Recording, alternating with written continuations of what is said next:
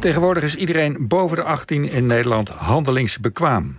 Uitgezonderd degenen die onder curatele gesteld zijn vanwege bijvoorbeeld dementie, ernstige verslaving of verstandelijke beperkingen. Zij zijn handelingsonbekwaam, omdat ze eenvoudigweg niet in staat zijn bepaalde rechtshandelingen uit te voeren.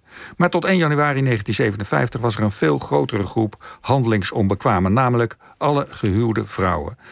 Wat dat destijds voor die vrouwen en wellicht ook hun mannen betekende, gaat onderzocht worden door rechtshistorica Madeleine van der Nieuwenhuizen. Goedemorgen, Madeleine. Goedemorgen. Ja. Kan je om te beginnen nog even kort uitleggen wat handelingsonbekwaam precies is? Wat dat betekent als je Nou dat ja. bent? Ja, nou eigenlijk precies wat je zei. Dat het, dat het betekent dat je niet ehm, in staat bent of eh, geacht wordt... Of be- begrepen bent als in staat te zijn tot het uitvoeren van rechtshandelingen. Ehm, dus dat eh, geldt zowel bijvoorbeeld voor kinderen... eh, maar inderdaad ook voor bijvoorbeeld sommige demente ouderen... eh, bij wie dan een kind van hen... eh, de, de, de, de rechtshandelingen van hen overneemt. Of bijvoorbeeld het handtekeningen zetten eh, onder documenten of onder contracten. Ehm, maar ja, destijds waren de conse- consequenties voor gehuwde vrouwen... dat ze eh, geen eigen bankrekening konden openen... geen hypotheek of verzekering konden afsluiten.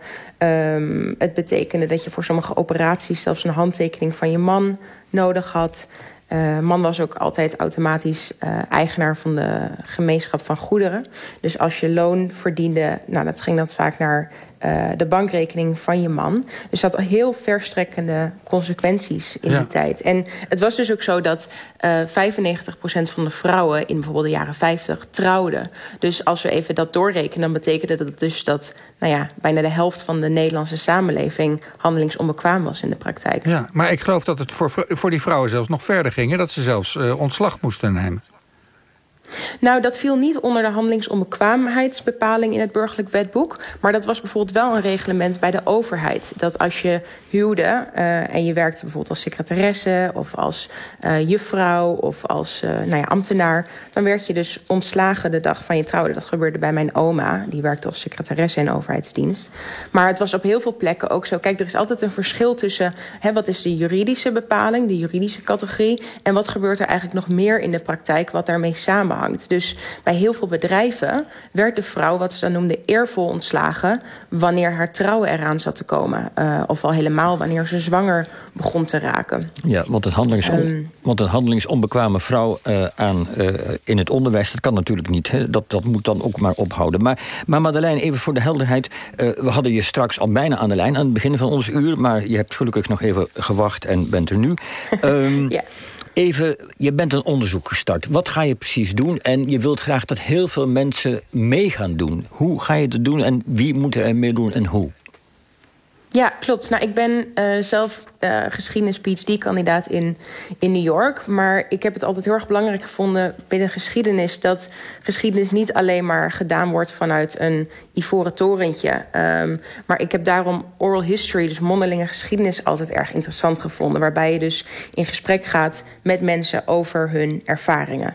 Ehm, en wat ik voor dit project graag wil doen is vrouwen en mannen overigens. Want ik ben juist ook geïnteresseerd in hoe mannen dit hebben ervaren en hierover dachten. En bijvoorbeeld de druk die er op hen lag om kunnen voorzien in een gezin. ehm, om hen te interviewen. Ehm, en toen heb ik daar lang over nagedacht. En toen dacht ik, nou, ik zou het eigenlijk heel erg gaaf vinden... als juist ook mensen hun eigen, bijvoorbeeld opa's, oma's... vaders, moeders, buurmannen, buurvrouwen kunnen interviewen... middels een handleiding die ik schrijf... en het hopelijk op kunnen nemen op audio ook... of uitwerken in tekst. En dat op die manier het verhaal bij kunnen voegen in dit onderzoek. En mijn plan is dus eigenlijk tweezijdig. Ik wil een, enerzijds heel graag een ja, breed toegankelijke publicatie... een boek hierover schrijven... waar een aantal van die verhalen hun weg uh, daar naartoe zullen vinden. Maar anderzijds ook het samenstellen van een grotere database... waar al die interviews in zitten... die ik graag wil doneren aan Atria... het uh, Kennisinstituut voor Vrouwgeschiedenis en Emancipatie. Dus het is een, een groot oral history project. Um, en jij vindt het ook belangrijk dat mensen met elkaar gaan praten. Hè? Dat, dat, dat jonge mensen gaan praten met een opa, oma. Dat het een soort levend project wordt. Vertel eens, waarom is dat belangrijk? Ja, ik, ik heb altijd kennisoverdracht en, en herinneringsoverdracht tussen generaties ook heel. Uh, ja, daar heb ik ergens zwak voor gehad. Omdat ik heel erg geloof dat het iets anders is om, om droog in een boek over anderen te lezen en tegenover iemand te zitten en te praten en te luisteren naar verhalen en ook na te denken hoe die ongelijkheden van toen doorwerken in het heden. Ik zal waarschijnlijk ook tijdens het schrijven van het boek aandacht besteden aan bijvoorbeeld de huidige arbeidspositie uh, van de vrouw in Nederland en de verschillen in bijvoorbeeld deeltijdwerken en voltijdwerken. Die kun je daar niet los van zien. Maar ik denk dat je middels gesprekken dus ook meer aan het, na, aan het, aan het denken wordt gezet over uh, jeetje, oma vertelt dit verhaal, uh, dat raakt me, hoe zit dat eigenlijk bij mij? Um, dus daarom heb ik ook uh, nou ja, een, een, website gelanceerd. Dat is uh, www.handelingsonbekwaam.nl.